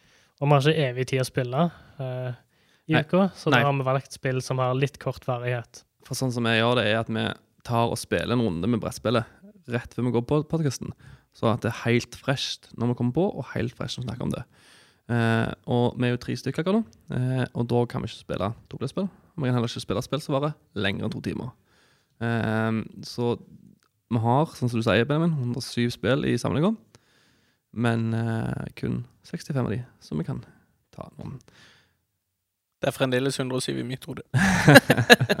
107 som du skal prøve, ja. Ja. Så, Sant det. vi- For vi skal jo teste altså Hvis det er noen der ute som har anbefalinger på større spill, eller de større spillene vi har på lista, skal vi jo prøve. Vi skal spille, men da må vi planlegge litt. Så det er et par ganger vi ikke kommer til å ta random på den lista. Da setter vi oss ned på søndager eller finner en annen dag der vi faktisk spiller lengre spill. Eh, så det skal vi òg gjøre. Så, så hvis det er noen som har lyst til at vi skal gå til innskaffelse av spill eller teste et spill som er fire eller fem eller seks spillere, og, og kreve, eller å kreve fire-fem timer, ikke vær redd for å anbefale det. Eh, vi skal gjerne spille spill på søndager og teste andre spill, men, men de kommer ikke til å være på den random eh, generatoren som vi kjører på. da. Ja, Vi har jo ikke mangel på folk å spille med her på butikken, så, og hvis noen av dere har lyst til å spille med, så er det bare å komme innom Victory Point. Så skal vi alltid finne tid til å spille med folk. Ja da, det er jo ikke noe annet vi liker mer enn å spille. The more the merrier. Jeg og Benjamin skal jo faktisk spille nå på søndag. Det Det- kan bli meget gøy. Et spill som jeg sa nei til å være med på. Der går jo Benjamin helt fra nesten ikke å ha spilt noen spill til å spille et av de mer eh, komplekse og store spillene som er. Det er tyngre, og det er mer komplekse, men det er helt, helt der oppe. Det er det. Og det er Twilight Imperium. yes, Med med expansions. Yes. Ja, må jeg ikke glemme den. Med expansions, men de vet ikke jeg hva heter ennå. Nei, ikke jeg heller. Men det, det blir spennende. expansions. Jeg har bare spilt uh, originale Altså, jeg har spilt originale third, third edition med expansions, men av fourth edition så har jeg kun spilt det base gamet. Sånn det er blitt forklart til meg av Ørjan, så tror jeg det kan bli kjempegøy, altså. Mm. Det tror jeg. Det er jo et sci-fi-spill hvor du utforsker verden og slåss. Så det, det blir gøy. Det, det er et spill som de aller fleste så spiller det, like. Eh, men Twilight Imperium er et spill som kun de som faktisk liker sånn type spill, spiller. På grunn av Det tar jo ca. åtte timer. Det kan ta litt lengre, det kan ta litt kortere. Det tar nok litt lengre. Det gjør nok det. nå som er ny. Ja da, det er iallfall folk nye. Eh, men så det er jo en hel dag. Eh, og du, skal du spille det, så må du begynne å planlegge matpauser og friminutt, holdt jeg på å si. Eh, så, så, så du må jo være interessert i en, et sånt, sånt spill for å kunne spille det. Så et tips, ta med deg snacks. Will du? Eh, men ja, før vi går og trekker spill med denne generatoren som vi har snakket om, så kan det jo være kjekt om å snakke om det forrige vi har spilt. Yes. Og Benjamin, hva syns du om Ticket to Ride, da? Ikke ta karakteren ennå, bare gå gjennom hva du Ja. Ticket to ride. Altså, det jeg likte veldig, veldig godt, det er for det første at du kan spille litt for deg sjøl, litt med flaks. Jeg må avbryte deg igjen. Kan du starte med hvem som vant? Det er jo det kjekkeste, den mest interessante. Altså, alle vet jo det at de som spiller Ticket to ride, da er det jo den med lavest poengscore som vant, så det var jo meg som vant. Altså, fak Faktum er det, vi spiller ikke Ingen spiller Ticket to Ride for å vinne, så ingen bryr seg om hvem som vant. Selvfølgelig spiller du for å vinne. Kan du fortelle meg hva Ticket to Ride er for noe? Ja, OK. Ticket to ride handler om å rett og slett bygge togbaner, railroads, mellom byer, og dette får du poeng for. I tillegg til det så har du bonus hvis du klarer f.eks. et lengre strekk, at du legger flere togbaner fram fra A til B, da. Den som får lengst uh, rekke, får ti poeng. Ja, men det er jo noe annet igjen. Oh, ja, du, ja du, får, du får poeng for å Ja, bonuskort, da. At Mm. de, ja, du har en eh, strekning som du skal Hidden legge ut det. objective. Mm. Det er jo på en måte ruter du skal fylle. Mm. Og utenom det, så Jeg syns det var veldig enkelt. Altså Det var fort å sette seg inn i. Det var ikke noe avansert og det fort spille, men du kan allikevel gjøre det veldig avansert og gøy. Strategere litt, gjøre ting litt vanskelig for andre. Eller spille ditt spill alene, på en måte at du liksom følger dine ruter og gjør ditt. Absolutt. Det er jo mange som eh, spiller du litt, så begynner lærer du jo hvor, hva ruten er. Eh, du kan prøve å skjule litt med å begynne midt i ruta di, så folk ikke ser det. Eh, men så er det mange som ser hva ruta du er på, og derfor hopper inn med en gang på ruta di. Eh, så, så det er jo mange måter du kan spille det på. Men, men hva tenker du om når jeg sier at det er det spillet som har brukt, blitt brukt mest for å vise folk brettspillverden? Det er jo akkurat det jeg sa, at det er veldig enkelt i første omgang. Altså, det er jo ikke et avansert spill. Du trekker noen kort. Du får forskjellige tog du kan legge ut. Du har togene du kan legge ut, og banen. Så har du tre actions, veldig lett å huske. Og så handler du egentlig ut ifra det. Nei da, og det er et veldig kjekt brettspill. Det, det er nok et av de spillene jeg har spilt mest, vil jeg tro. Uh, ikke sånn Ikke på grunn av at jeg nødvendigvis, nødvendigvis uh, syns det er så fantastisk. Det var lettere enn Wingspan. Ja, det, det er jo det. Det er jo et av de enkleste spillene å se. Uh, Og det var ikke så Altså, med tanke på at du eh, følte det var litt vanskelig å følge med poengmessig òg, så du følte ikke det presset med at du mista en tur med å gjøre noe feil den runden, hvis jeg kan si det sånn. ja. Nei, jeg sånn mener det. at du ble så punisher for å gjøre en action enn i Wingspan. Det er jo et litt større tilfeldig element der med å trekke de rette kortene og sånn. Ja. Og hvis du ikke trekker de, så er det jo bare å fortsette å trekke. Helt sant. Nei da, det er et eh, veldig veldig bra brettspill. Uh, Dette er jo Og- amerikanske byer i det originale. Ja, det er jo Og- 1000 expansions. Ja, Der syns jeg faktisk den europeiske er ganske kjekk. For der føler jeg litt mer med i byene og kjenner til litt mer. Ja. mer. Og så var det sånn at eh, Benjamin endte på sånn 50 poeng, 160, og jeg hadde 130 eller noe sånt. 82. Ok, ja. Hadde det ikke vært for at Sindre vant de ti poengene for å ha lengst, så hadde jeg faktisk kommet på andreplass. Hadde jeg fått det ene blå kortet. Sånn, sånn kan alle si. ja, ja, det hadde, er jeg, bra. bare- hadde, jeg bare fått, hadde jeg bare fått den ene tingen. Jo, men sånn er Og så er jeg ny. Jeg har ikke spilt det før. Dere, dere bare grinder på nooben. Det er det dere gjør. Hadde jeg bare fått den rette ruta, så hadde jeg vunnet. Men det er jo litt derfor vi skal trekke spillene, sånn at jeg ikke bare kan spille, velge de spillene er gode hele tida. Ja, det blir gøy å se når han tar på neste spill nå. jeg taper aldri. Men ja, That's the Eh, spirit. hva syns du om Skal, vi, Kenneth? skal jeg arrangere? Skal vi gå inn i rangeringa? Det kan vi gjerne gjøre. Ja. Um, Ticket to Ride for meg er som sagt Jeg, jeg er alltid med på Ticket to Ride. Um, det er ikke spill som Det er enkeltspill, det mangler en del dybde. Det er ikke, det er ikke spill som jeg, hvis jeg setter meg ned med mine brettspillvenner, tar opp. Men det er et spill som jeg gjerne kan spille med mine foreldre, eller på en hyttetur med kompiser og damer, så kan vi slå opp Ticket Ride. Så det er et helt ok spill som jeg spiller gjerne når som helst, så jeg vil sette det på en sekser. En flate sekser. Ja. Uh, jeg tenker dette spillet er Jeg er litt enig med deg. Det er liksom ikke et spill jeg eh, tar med meg til vennegjengen min for å spille. Eh, men hvis det tilfeldigvis står på hytta og vi har en time og skal spille, tar jeg det gjerne fram og spiller det. Eh, men jeg vil også sagt, hvis jeg på en måte snakker med folk og noen spør meg eh, jeg har lyst på et nytt spill, jeg har ikke spilt så mye før, jeg har lyst til å spille noe. Eller hvis jeg har spilt mye før, men ikke har spilt Ticket Raid, så kan jeg gjerne anbefale det til dem. Ja, men jeg føler det er liksom en, en spesifikk gruppe personer du anbefaler Ticket Raid til. Jeg kunne faktisk anbefalt det til så å si alle, ville jeg sagt. Ok, ta, ta en sånn type brettspiller som meg som har spilt ganske mye brettspill. Jeg trenger et nytt, kjekt brettspill. Er Ticket to Ride noe du drar fram til meg? Hvis du spesifiserer nytt kjekt, kanskje ikke. Hvis du bare vil ha et nytt enkelt, nytt uh, uh, som er lett å spille, et nytt kortspill, noe Ja. sånt, så ville jeg Mm. nok anbefalt det til deg. Okay. Så jeg setter meg midt imellom der, på 6,5. Ja, fair enough. Benjamin, hva tenker du? Ja, altså for meg som er ny, så er det klart det at Ticket to Ride vil jeg nok Jeg vil jo, som jeg sa tidligere, òg, at jeg, jeg vil jo spille en runde til. Ja. Sant? Um, men jeg merker òg det at jeg tror det er et spill du fort kan gå litt lei av, for det går mye det samme. Det, det, det er derfor de har pumpa ut så mange expansions. Ja, og derfor så vil nok faktisk jeg jo sette det på en sekser. Det er noe jeg gjerne blir med på igjen, men Men du tar heller opp eh, jeg vil heller ta noe eller- litt mer spennende, rett og slett. Mm, ja. Ja. Munchkins og Betrayal at House Hill, eller hva, ja. hva versjonen spiller? Du tar Noe som er litt liksom. mer eh, Jeg liker det litt kaotisk, det du ikke forventer hele veien. Her så Du spiller liksom din vei. Absolutt, absolutt. Nei da. Så det, det er absolutt en staple i brettspillverden. Det er et spill alle har, og det er et spill jeg anbefaler alle å ha. Sånn sett. Det er et, et, et av de type bærebjelkene som bare alle må ha i en spillverden. Ja. Eh, det er det.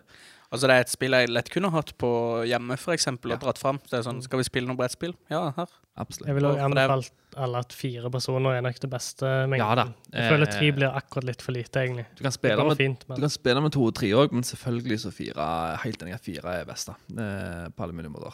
Benjamin må få prøvd med fire personer en gang. Jepp. Det blir jo ikke så annerledes. Da tar du europautgaven, for eksempel. Ja. Det blir jo ikke så annerledes. Nei, men det, det er jo veldig kjekt sånn Jeg kan se for meg som en i, sosialt at det er ikke så avansert at du ikke kan holde en samtale heller, på en måte. Så du kan liksom sitte og prate og vase fordi om det skjer ting på bordet. Absolutt. Det er ikke sånn at du går glipp av noe som er kjempeviktig, på en måte.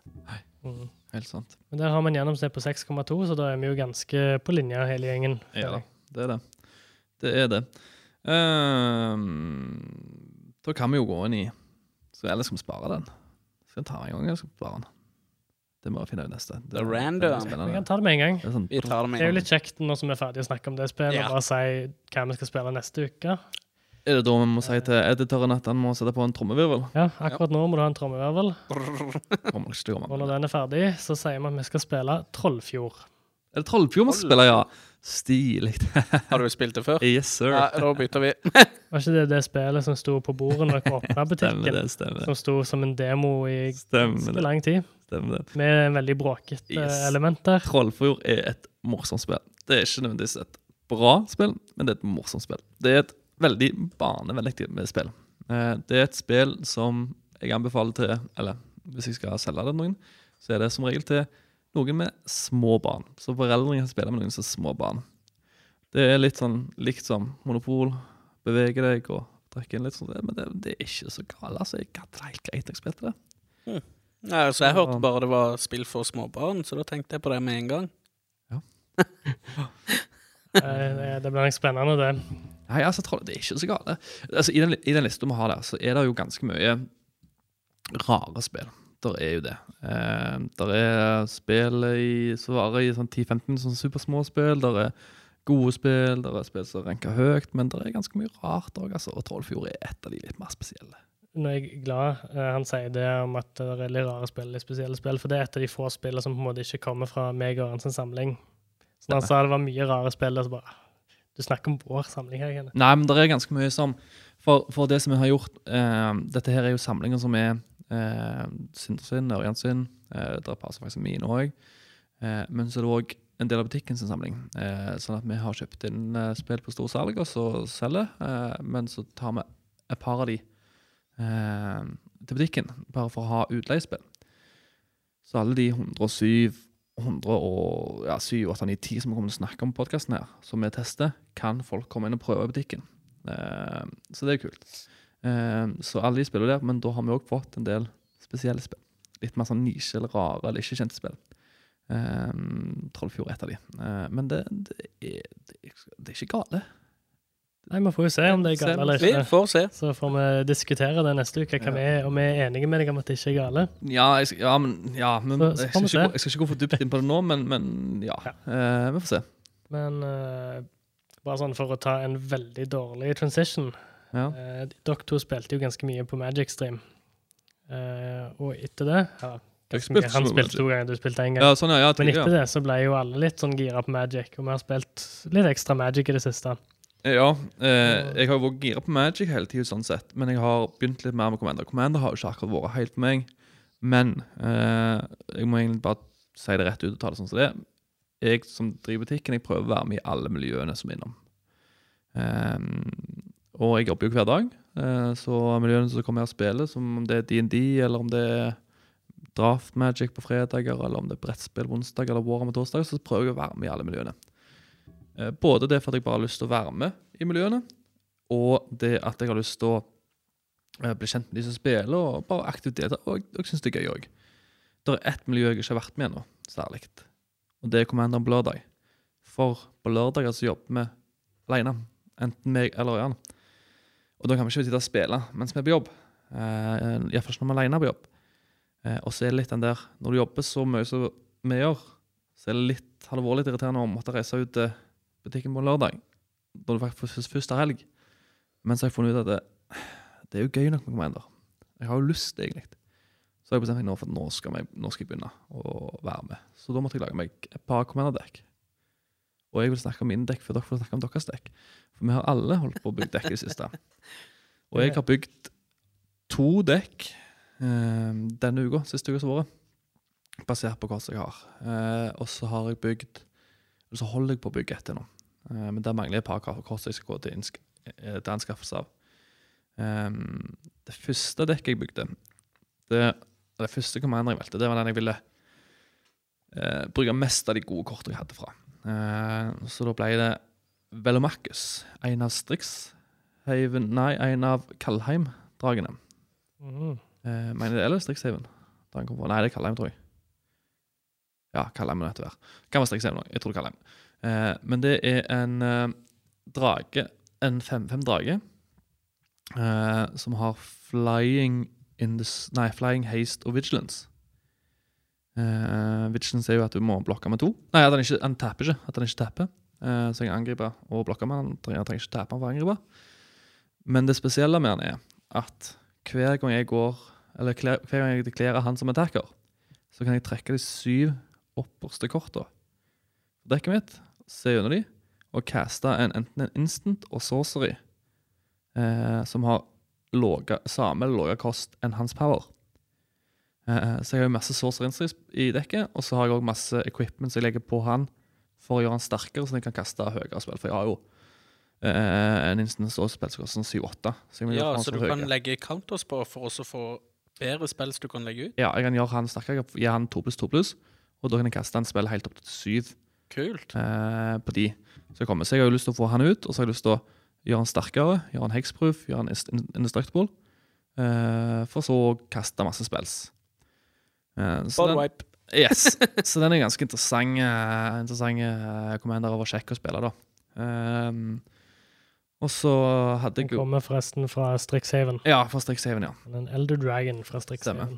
Og siden jeg lagde ett dekk med én Elderdregen, så måtte jeg lage et dekk til med en ny Elderdregen.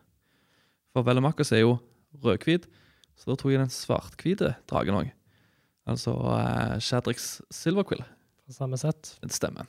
Nydelig artwork på den. Ja, han er veldig fin. Eh, og så er han litt mer sånn eh, Litt mer sånn eh, at du eh, kan ta altså være snill med andre spillere og ikke så snill med andre spillere, eller du kan hjelpe andre spillere, kan hjelpe deg sjøl. For det er en 2-5 flying i dagen. Uten heis, denne her. Eh, som hver combat så kan du velge mellom tre ting. Det er enten gi en få en eh, 2-1 Flying Inkling, en token. Eller så kan du gi, eh, gi pluss 1-1 counter til alle creatures sine. Eller så kan du ta et, miste liv og trekke kort.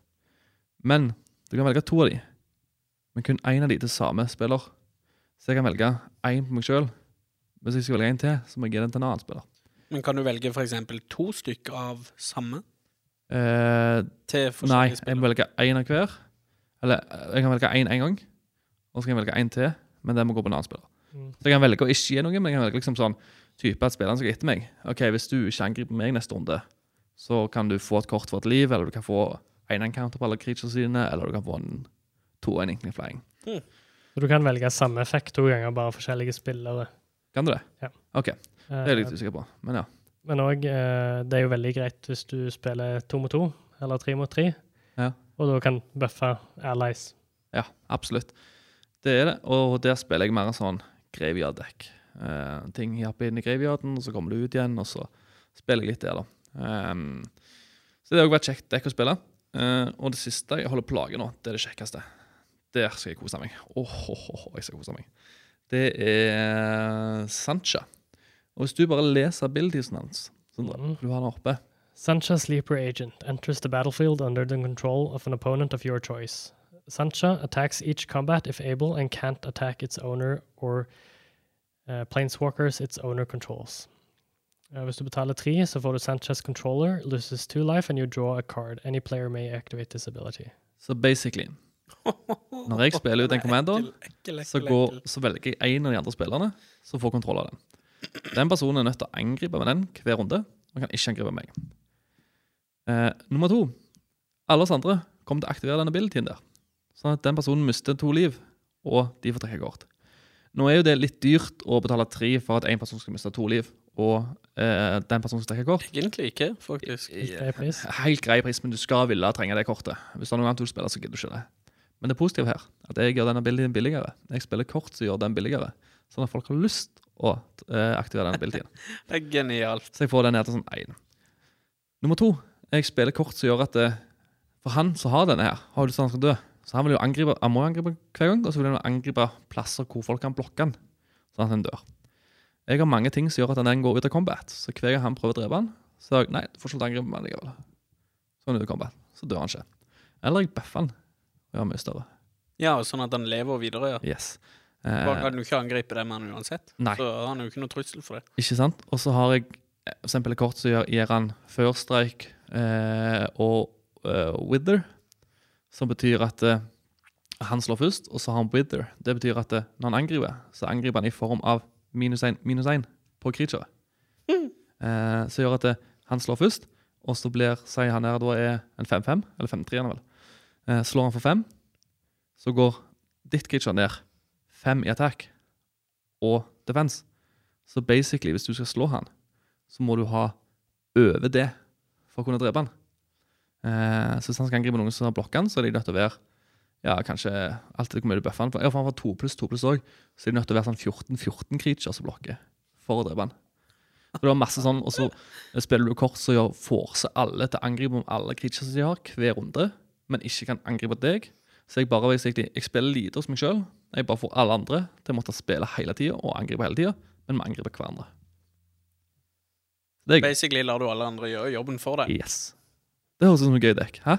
Det hørtes ut som et Kenneth-dekk. Det er sånn kaosdekk. Bare hele kampen skal Ja, være men jeg, jeg likte det. Jeg likte det veldig godt, faktisk. Det hadde vært skamgøy.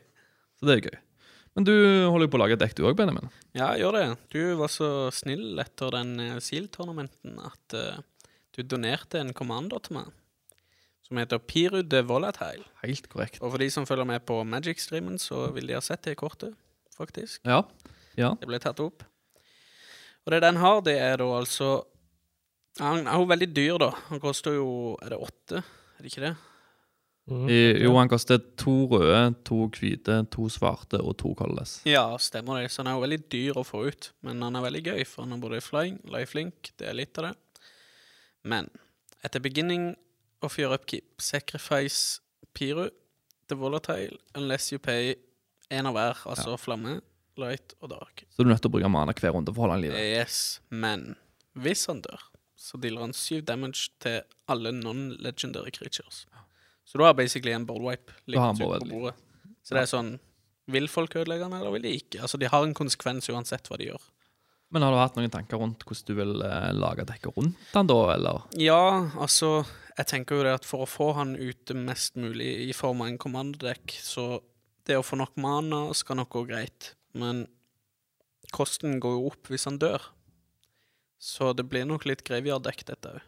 Ja, ja, for du kan jo, hvis du, hvis du bare er redd for at eh, han skal dø, så kan du spille enten equipment Det, er det er jo går Så får du jo, kan du få indestructible og Men på en måte vil jeg jo at han skal dø litt, hvis jeg trenger det. Ja. Så der er det litt praktisk, mer praktisk med den typen, med graveyard. ja, at han dør og havner der, og så mm, spiller han på graveyard spille han opp igjen, ja. Rett og slett. Ja, men det er ikke dumt, det. Uh, utenom det så Jeg sliter litt med Jeg er ikke helt ferdig bygga ennå. Uh, men det er veldig mye sånn discard et kart for oss å gjøre ting. Ja. Så jeg må prøve å få til at jeg kan trekke litt mer, så ikke det blir et toppdekk. Så Ja. det er bare løkk alt som blir spilt. Absolutt. Nei, men Det blir jo spennende. Jeg gleder meg til å se hva resultatet blir på, Ja. på han. Det gjør jeg òg. Hvis noen andre syns den hørtes spennende ut, sånn som jeg gjorde, så er det bare å kjøpe masse Modern Horizons 2. Stemmer det. Der finner du han. Så det kommer jeg til å gjøre nå. Han er jo bare en rer, han er ikke mythic, så, så uh, det er jo en litt større sjanse for at du får han. Mm. Der er det. Jeg har jo snakket om at mitt neste sett som jeg har lyst til å bygge, er svart, hvit og rød. For jeg er jo veldig glad i svart og hvit, så jeg må Ja. expande litt. Han er veldig sterk òg, forresten. Han er en 27. Ja. Du skulle sagt det, for jeg hadde to av den, men jeg har begge vekk. Eller gitt vekk den ene og Det, treda det går helt fint, da får jeg bare kjøpe masse Modern Horizon. Ja, sant det. To. Men ja, jeg har jo mine egne sett som jeg har. Jeg Ja. begynte jo med et jeg kjøpte her i butikken, som var ferdig slakt. Ja, Prigan. Det var Thief et eller annet hette settet. Ja. Uh, men der er jo commanderen uh, Anvon, The Ruin Thief. Og han kommer da i Sendica Rising Commander-bokser. Eh, det er jo et blått-svart. Jeg, eh, når jeg skulle kjøpe mitt første sett, så var det Jeg hadde veldig lyst på svart-hvit, men ingen av de var svart-hvit akkurat da. Så da ble det svart-blå. Jeg er ikke så veldig glad i svart-blå. Og jeg kjente hvorfor jeg ikke er så glad i svart-blå når meg og deg spilte nå på lørdag. For det settet tar veldig mye tid når du ikke kan kortet veldig godt. Men det gjør jo alle litt komplekse dekk av det. Hvis du ikke kan kortet, så, så bruker du jo tid på å forstå det. Men med en gang du kan det, så vet du jo trenger, så vet hva som skjer. Det som er litt kjekt der, er jo hvor Det det er jo et rogue-sett. Så alle korta har eh, Nesten alle creatures i hvert fall er rogues. Eh, og commanderen gir alle, alle andre rogues pluss én pluss én. Ja. Eh, så det bygger, opp, bygger på seg ganske fint, og så er det jo milling. Ja, for meg og deg hadde jo litt eh, morsom encounter der. For jeg hadde jo et kort som sa at hver, hver ting som havner i din graveyard, blir exila med basic encounter på seg. Ikke en encounter, men en encounter som sier at jeg kan sacrifice mitt creature og spille noen av de. Så havner jeg i exilen hans. Så han får ingenting inn i graven sin. Og så tar jo den løken der og bruker en changeling og gjør det samme mot meg. Han copy den, og basically får samme ability. Og, og gjør at alle mine òg havner i graveyard. Så dere bestilte egentlig hverandres dekk? Ja, og så exila Nei, milda meg for sånn 40 kort, så alle eh, eh, dekket mitt havna i, greive, nei, i I Exile, Exile. så han kunne sacrifice den og spille. Mm. Eh, og så hadde han jo eh, Så hadde han valget om altså, Så, Ex- så Exilen den spilte et kort, og så hadde han valget om å copye den igjen. Eller copye den store flygende dragen min. Så han valgte jo han å eh, For han visste jo han hadde et kort på hånden. Så det var at han returner alle attacking creatures. Og så tenkte han ja, men da er det ikke så farlig, for når, hvis Kenneth attacker, da, så bare returner han alle til hånd. Så han copyer den igjen, bare så han vet at det er alt som havner på graveyarden, han får det. Det han ikke visste, var at jeg hadde et kort på hånd, så sa at jeg fikk se hånda hans. Discarda et kort. Og så Ja, det ett til på random. Så jeg gjorde det, og så angrep jeg han, og så vant jeg. Han ble litt for greedy. Men det, det som er det kjekkeste mimikken, nei, eh, tingen med det settet, er den copy-greiene. Ja. Jeg har flere kort som kan kopiere eh, dine creatures.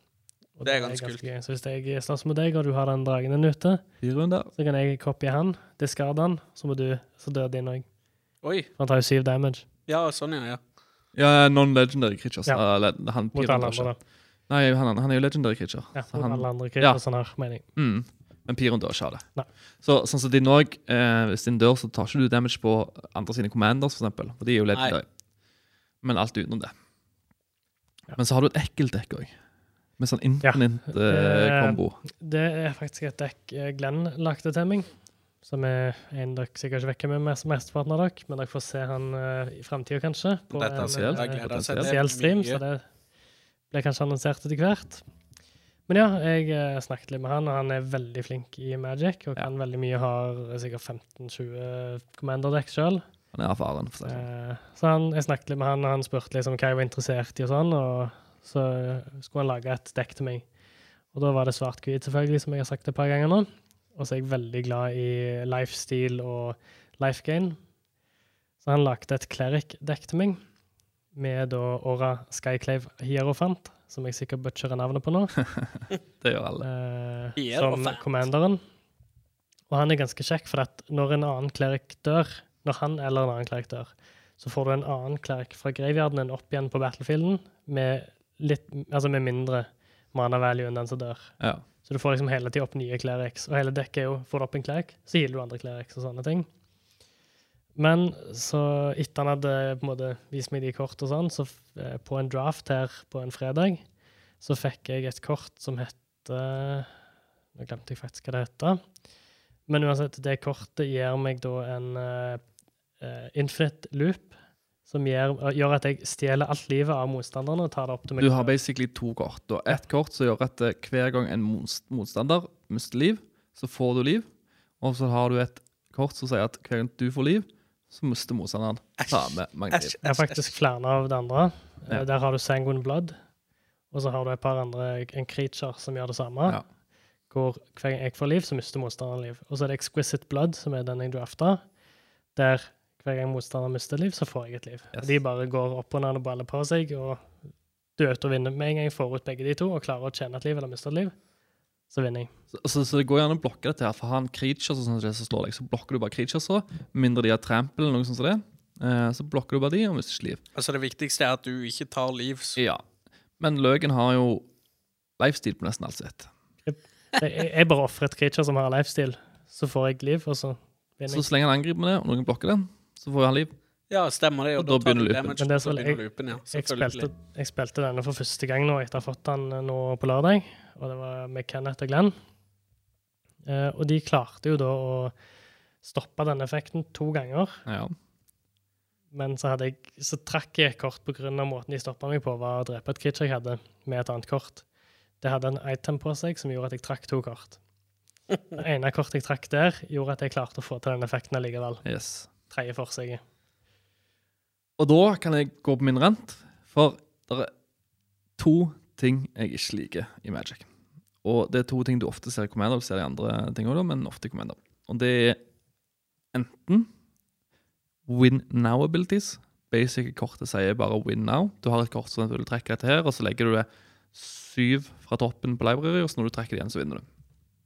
Eller så har du et at du, eh, du flipper coin, og hvis den blir heads, så får du en counter på kortet. Og hvis du får ti counter til det kortet, så vinner du. Um, for da spiller du bare masse flip uh, activations.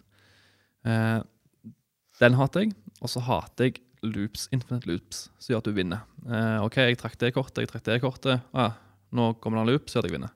Da legger du kabal. Du sitter bare og legger kabal helt til du får de tre kortene du trenger for at kabalen skal nestes opp, og så vinner du. Så du spiller ikke Magic mot andre, du spiller bare for å få den eh, infinite loopen. Der er jo decks som ikke er lagt opp med infinite loopen som main win condition. Og da går det greit, men de, de decks som er lagt opp for at det eneste måten de vinner på, er en infinite loop, er irriterende. De spiller ikke Magic. Ja, egen, egen jeg, kan, jeg kan faktisk være med deg på den. Jeg var vel med på Ja, når jeg var med og spilte, ikke lørdag som var nå, men forrige lørdag, så var det en som hadde en sånn loop. På, ja. Ja, Enevald ja, spiller bare sånn dekk.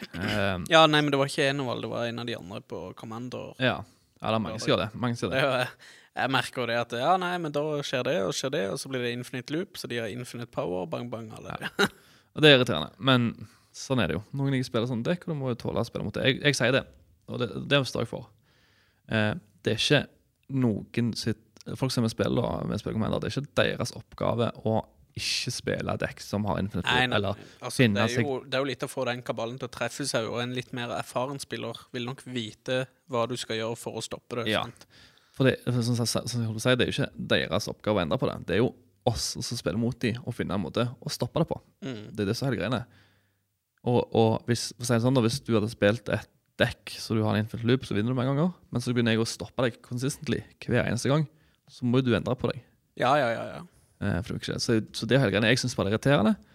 Men det betyr jo bare at jeg sier at vi tre spiller, eh, så kommer jeg til å fokusere på å drepe Sindre først, så han ikke får infinite loopen, og så koser oss med Du får jo, ja, ja, du får jo litt mer sånn target, eh, Absolutt. targeting. Absolutt. Eh, og da er det sånn Jeg er litt den der litt salty-spilleren Så liksom OK, du spiller Infinite Loop, du spiller et kjedelig dekk som er bare irriterende.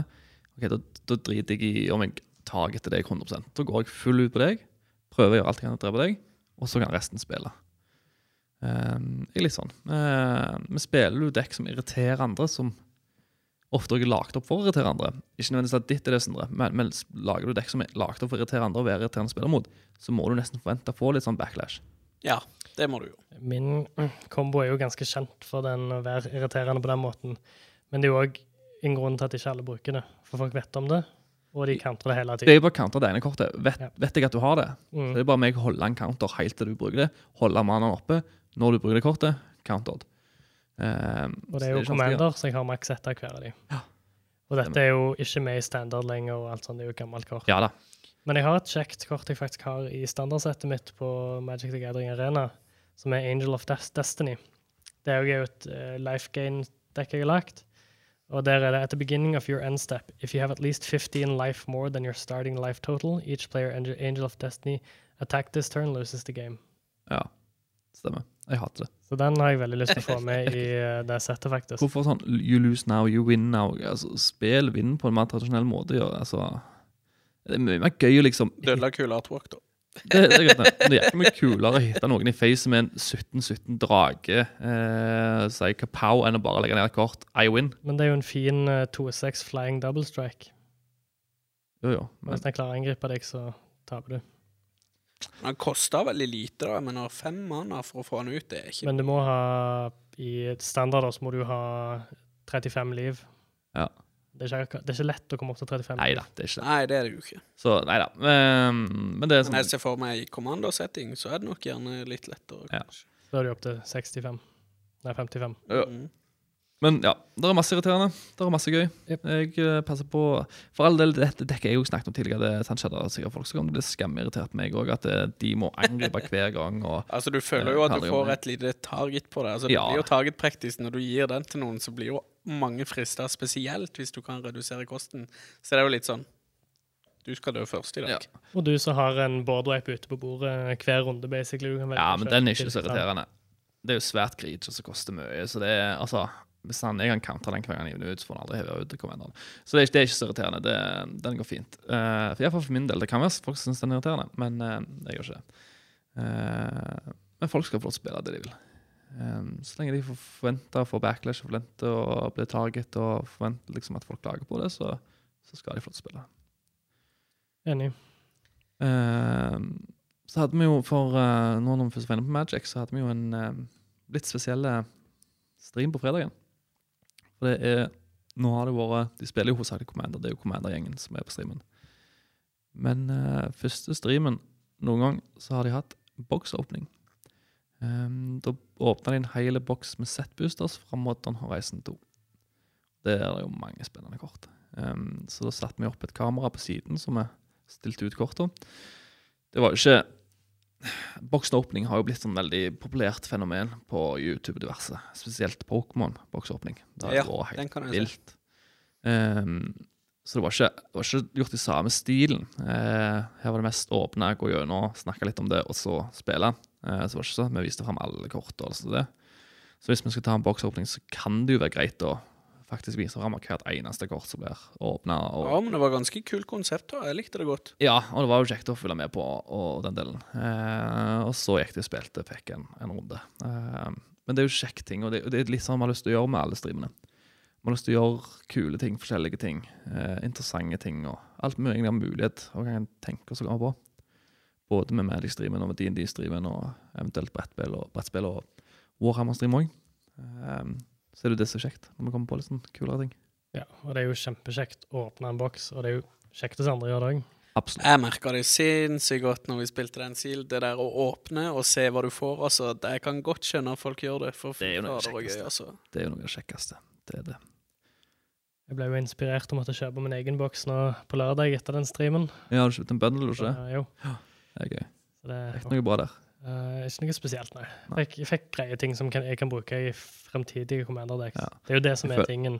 Alt jeg finner, kan en gang bli brukt. Ja. Eller bytta med sånn som deg, som stjal halve Du, jeg samlingen, men- stjal ikke halve samlingen, bytta. Du fikk jo Kabal Coffers for det. Du fikk jo et eh, ganske bra kort. Jeg gjorde det. Det ble bra. Um, så, så nei da, det er noe kjekkest med Magic, er jo å åpne. Uh, og det jeg følte òg med, med Modern Horizon 2, var liksom det at det, Eller med det settet, så er liksom båndlinja virker som er økt, liksom. Eh, nå har ikke jeg åpna så mange, jeg er relativt ny til Magic sånn sett, men med mange andre sett der du åpner, så får du masse piss, og så kan det være du får noe bra. Men 2 også, så er det sånn, kan det være du får noe veldig bra. Litt større sjanse for at du får noe veldig bra, men selve båndlinja de litt mer commons og uncommons, det er at de er en del bedre, følte jeg. Og det er jo gøy. Og så fikk jeg mye artefacts til artifacts-dekket mitt. Så det setter jeg pris på. Nice. Greit, men jeg tror det er en uh, fin plass å, å si takk for i dag, for vi har jo kost oss med i dag. Hatt mye kjekt å snakke om. Um, så blir det vel som vanlig masse D&D-snakk neste uke òg. Det har to veldig folk. Jeg gleder meg til vi skal prøve et D&D-spill, jeg. Ja, jeg syns det ble Ja. litt for lite DND i dag. det er Helt ærlig. Om, men, om det hadde vært 100 D&D, så hadde det sikkert vært litt for lite D&D. ja, Jeg tror vi trenger en egen podkast som bare er DND. Ja. Det Vi skal har jo det allerede. ja, sant det. Det skal fort være mulig. Nei, så da blir det um, Neste gang så blir det da um, Trollfjord. Trollfjord. Trollfjord, masse hamring på en uh, Ja, stemmer det. var det du slo med Ja, ja, hammeren, det en egen hammer som du slår på. Kult. OK, jeg gleder meg allerede. Så det blir gøy. Så uh, da får vi si takk for i dag, og så er det bare igjen å sende inn uh, spørsmål eller kommentarer, eller så kan du bare si hei til Benjamin hvis du vil det. Det setter nok han pris på. Jeg liker alltid når folk sier hei. Yes, på medie at victorypoint.no. Eh, så håper vi du hadde det kjekt og, all, og, om alt vi snakket om, og håper vi du vil høre neste gang òg. Så får vi prates på. Ha det bra. Hei, hei.